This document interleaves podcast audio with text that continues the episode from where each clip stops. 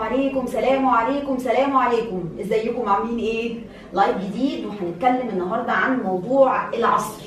الكلام آه، الكتير جدا آه، اللي مالي ال social media ومالي الواتساب ومالي كل حتة. جروبات الأمهات آه، في انقلاب رهيب جروبات النوادي ال corona virus. طبعا ربنا يحفظنا آه، ويسلم آه، كل مريض أو كل حد آه، خايف إن الكورونا آه، إيه تجيله يعني لا قدر الله. أنا اتفرجت على كم فيديوهات وقريت كم أبحاث مش طبيعية عن الموضوع ده يمكن اتأخرت شوية عشان أتكلم فيه بس أنا جمعت لكم الخلاصه آه، عن الموضوع بشكل علمي. هندخل شوية كده العلم والروحانيات في الموضوع. آه، الكورونا فيروس هو فيروس آه، سمي بالكورونا لأنه شبه آه، إلتاج. الكورونا فيروس ده موجود آه، من فتر- فترة طويلة جدا. ال corona virus ده عيلة كبيرة. العيلة دي المفروض إن هي آه، أدت إلى آه، مشاكل صحية كتيرة للناس على مر الزمن. ال corona virus المستجد اللي موجود حاليا عامل هلع كبير جدا مع إنه فيروس زي أي فيروس المفروض إن هو آه، مش. مش هنقول عليه كائن حي ولكنه آه، وجوده مرتبط ارتباط شديد بوجود ال host ال host اللي هو مين ال- ال- الخلية اللي هي الفيروس هيدخل جواها ويتملك كل الحاجات أو كل آه، الخليه عايشة عليه ويبتدي يحتلها زي البلطجي كده ويبتدي إن هو آه، يتكاثر ويحصل حاجة اسمها clustering يتكاثر وبعدين يبتدي يضر الإنسان أو الحيوان اللي كان هو فيه أصلا. فوجود هذا الفيروس مرتبط بوجود ال host أو ال- ال- اللي بنقول عليه اللي هيقدر إن هو يحتل. هو بيحتل الخلية ويبتدي تظهر شراسته مشكلة الكورونا فيروس المستجد اللي هم آه، بيقولوا عليه زيه زي أي فيروس بيسبب الفلو أو البرد وبعد كده الإنفلونزا وبعد كده الالتهاب الرئوي إن هو سريع الانتشار جدا. سهل قوي انتشاره وده اللي دايما الناس العلماء دلوقتي بيعدوه خلال الفترة اللي فاتت إن هم عمالين يقولوا ده آه، آه، كل أسبوع بيزيد بنسبة كذا ده لو إحنا حسبنا بقى بعد شهر بعد شهرين بعد سنة لا قدر الله هيبقى الموضوع مأساوي عشان هو فعلا سريع الانتشار. الحاجة الثانية لأنه شرس ال- العلاقة ما بينه وما بين الرئة علاقة شرسة هو بيعرف يهاجم الرئه وبيؤدي إلى التهاب رئوي حاد وبيبقى شطارة حضرتك والمناعة بتاعت حضرتك في إنها تواجه هذا الالتهاب يبقى ببساطة ببساطة شديدة هو كائن ضعيف على فكرة لو اتساب في ال- الهواء وقع على الأرض فترة المفروض إن هو عمره الافتراضي آه، ما بيسمحلوش إن هو يعيش ويقدر يتنقل إلا لو إنسان اخده آه، دخل جواه عاش آه، تكاثر وبعدين ابتدى الإنسان ده يعدي غيره ويعدي غيره ويعدي غيره. طرق العدوى بالفيروس بيبقى عن طريق الرذاذ. الرذاذ لازم اعطس في وشك أو انزل رذاذ من مناخيري أو من بقي. وحضرتك كده آه، تاخد الرذاذ ده وتحطه جوه عينك جوه انفك جوه بقك.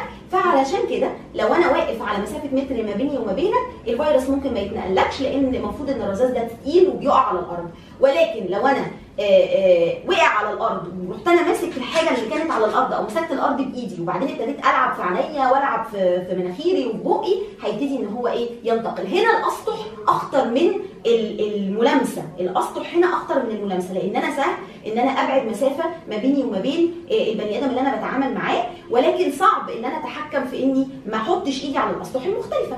طيب الفكرة كلها بقى وأنا جمعت لكم ال- القصة هنا هو في استعداد الشخص. يعني إيه؟ يعني أنا ممكن ينتقل من حضرتك الفيروس ليا وما يظهرش عليا أي شيء. هنا أنا ببقى حامل للفيروس. أنا ببقى آه، أداة وسلاح فظيع في نقل الفيروس لأن أنت اللي قدامي مش عارف إن أنا ممكن أكون حامل ليه. الحاجة الثانية ممكن تظهر عليا أعراض طفيفة. أعراض خفيفة جدا اللي هي بتبقى زي أي برد عادي. آه، بيقولوا وده كلام كتير جدا في الموضوع ده إن هو بيتميز عن البرد العادي انه ما بيبقاش فيه ال running nose أو اللي هو ال- السيولة اللي بتحصل سيلان آه، في آه، من المناخير. ولكن لأ بتحصل في بعض الحالات فما بيبقاش فيه آه، جزم أو إن أنا متأكد إن ده مش كورونا لأنه في بعض الحالات يمكن أقل شوية بيحصل عندهم السيلان. الكحة بتبقى ناشفة. ده برضو في معظم الحالات وخلي بالكم الدراسات على حالات مستجدة وبيبتدوا يدرسوا الأعراض اللي بتظهر فده اللي ظهر على متوسط الحالات. ممكن يكون في أعراض تانية مش شبه الأعراض دي خالص يبقى الشخص عنده كورونا آه النزله المعوية. أنا ممكن يجي لي نزله معوية عشان أنا عندي كورونا فيروس على فكرة. وعشان كده من الحاجات برضو المهمه جدا جدا وخطيرة في التعامل هي الحمامات يعني أنا لازم لما أدخل الحمام زي ما موجود في كل حتة ما أستخدمش آه، ايديا أو صوابع ايديا أستخدم كوعي أستخدم إيدي في إن أنا أزق ولازم أغسل إيدي كويس جدا وهقول لكم إزاي دخل الكورونا فيروس جسمك يا إما هيؤدي إلى أعراض طفيفة يا إما هيبقى شرس ويبتدي يهاجم آه، الرئة بتاعتك ويبتدي إن هو آه، يؤدي إلى التهاب رئوي حاد. هنا لا قدر الله الالتهاب الرئوي الحاد بيتطلب إن حضرتك تدخل المستشفى لأنك هيبقى عندك كرشه نفس عرق غزير إحساس فظيع بإنك مش عارف تتنفس فلازم تتحط على أكسجين وبالتالي هتحتاج عناية مركزة وفي كل العالم ومهما بلغت ثروة العالم فالعناية المركزة ليها حدود في استقبال المرضى ما تقدرش تستقبل عدد كبير ومن هنا الهلع والفزع اللي على الكورونا فيروس لأنه الساعة بتاعة الخدمات الصحية لن تتسع لهذا الكم من البشر اللي ممكن يخشوا في مضاعفات. طيب مين الأكثر عرضة لأن هم يتعرضوا للكورونا فيروس؟ اول ناس أكثر عرضة بالترتيب كده لا قدر الله اللي عندهم أمراض قلب اللي هم بنسميهم اللي عندهم فشل قلبي. بعد أمراض القلب الناس اللي عندها آه، آه، أمراض آه، ممكن تكون ليها علاقة بالسكر. بعد كده الضغط العالي. بعد كده الكانسر. يعني الناس دي بتبقى أكثر عرضة والناس دي أكتر ناس المفروض إن إحنا آه، نخاف على نفسنا لو عندنا الأعراض دي.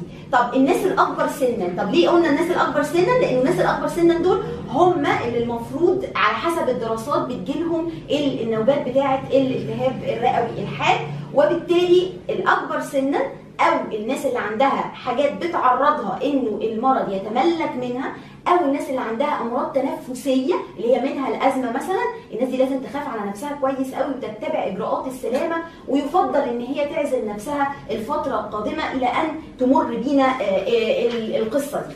طيب إيه هي الإجراءات اللي أنا أقدر إن أنا آه، أعمل بيها وقاية من الكورونا فيروس؟ أول حاجة زي ما قلنا انه الكورونا فيروس هنعمل إجراء أولي هو ان إحنا نبعد عن بعض مسافة متر سواء بقى اللي قدامي مصاب أو مش مصاب.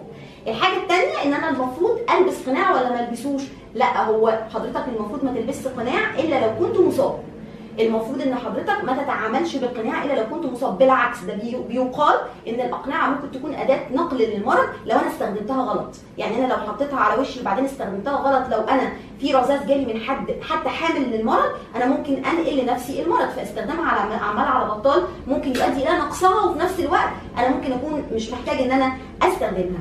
طيب آه، فكرة إن أنا أحافظ على الأسطح آه، ليها طريقة آه، حلوة جدا وإن أنا أجيب لتر المية وأحط فيه أربع معالق كلور. خدوا بالكم في استخدام معين للكلور. المفروض إن أنتم لازم تجددوا الكلور ده كل 24 ساعة والمفروض إن هو يتحط في حاجة مقفولة إناء مقفول علشان ما يطيرش والمفروض إن حضرتك لما تستخدمه هتستخدمه جوه بخاخة. الإيد الثانية هتبقى لابس بيها جوانتي وماسك فوطة الفوطة ما بتبقاش موبرة وتمسح الأسطح بالبخاخه وتبتدي ترش على الاسطح بالبخاخة وتبتدي تمسح بالفوطة في اتجاه واحد. بصوا أنا بعمل إزاي؟ في اتجاه واحد مش في اتجاهين. يعني ما ينفعش أروح واجي. أنت كده بتجدد الايه وجود الفيروس. بتعمل إعادة عدوى. كمان لما بمسح الأرض يفضل إن هو يبقى الجردل اللي ليه اتنين عين واحد يبقى فيه مية بس والتاني يبقى فيه مية بكلور. وزي ما قلت لكم همسك ال- ال- المساحة وابتدي أمسح في اتجاه واحد ما أعملش في اتجاهين. الرش بتاع الأسطح ده المفروض إن هو يحصل كل فترة طول ما أنا قاعد في مكان. كمان مهم جدا إن هو يحصل في الأماكن اللي هو بيعاد آه، استخدامها من قبل ناس كتير. عشان كده في حملة دلوقتي إنه يا جماعة انزلوا بالبخاخ بتاعكم اللي فيه مية وكلور. آه، علشان لو أنا مثلا في أي أسطح أنا كده بساهم إن هي يحصل لها آه، تعقيم أو sterilization وارش عليها بالشكل ده. مهم قوي إن أنا أفهم إنه الرش بالمية والكلور ممكن يبقى كافي طب أنا دلوقتي عايزة أغسل إيدي. لازم تغسل إيديك في بعض ال ال ال يعني مهم قوي إن أنت تغسل إيديك في بعض ال situations أو الأوضاع إن أنا قبل ما أمسك الأكل هغسل إيدي بعد ما أمسك الأكل هغسل إيدي خصوصا الأكلات اللي بيستخدمها أو بيمسكها ناس كتير زي الخضار والفاكهة أو اللحوم اللحوم اللي هي ممكن تكون السوائل بتاعتها ناقلة للفيروس فحضرتك المفروض إن أنت ال- القطاعه والسكينه اللي أنت بتغسل بيها ال- الفاكهة ما تستخدمهاش في غسيل ال- اللحوم ولازم برضو تغسلها بميه وكلور تنقع آه، آه، القطاعات والسكاكين في مية بكلور في فت- بفترة إيه؟ فترة مثلا من خمس ل 10 دقائق وبعدين ت- تبدأ تستخدمها مرة أخرى. مهم قوي إن أنت لما تغسل ال- ال- الأطعمة تغسلها كويس قوي وبعدها تغسل إيديك.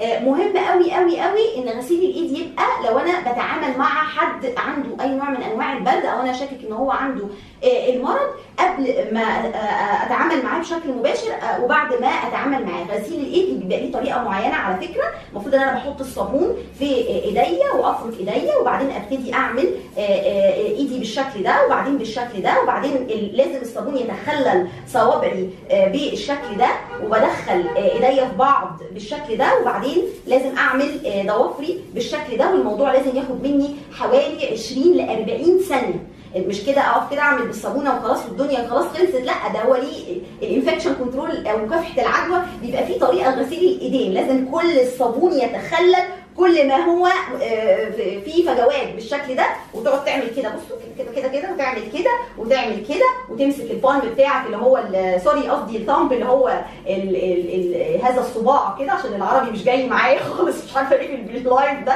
بالشكل ده. وبعدين إيه؟ تمسح ايدي طب ينفع استخدم ال- المطهر يعني احطه كده في ايدي وأنا مش غاسل ايدي؟ لا لأنه ممكن ما يشتغلش لو حضرتك عندك آه، في دهون على إيدك أو في حاجات مش نظيفة آه، جامدة. ممكن أصلا ال sanitizer ده أو المطهر ما يشتغلش يبقى انت محتاج الأول تغسل إيدك كويس وبعدين تحط المطهر وبعدين تمسك جوانتي لو هتتعامل مثلا زي ما قلت لك آه، مع آه، مرضى أو مع آه، لحوم أو مع what اللي انت هتتعامل معاه. اغسل إيدك كل شوية اغسل إيدك في كل وقت. طالما هتتعامل مع حاجات ممكن تنقل لك المرض أو انت ممكن تنقل لغيرك هذا المرض طيب خلصنا كده قلنا الناس الأكثر عرضة الناس لما تيجي تفكر طب الأطفال؟ لأ سبحان الله سبحان الله الأطفال مش مش عاملين يعني يعني ما فيش كم منهم كبير لا قدر الله بيجيله المرض ولكن هم بيبقوا يعني حاملين للمرض.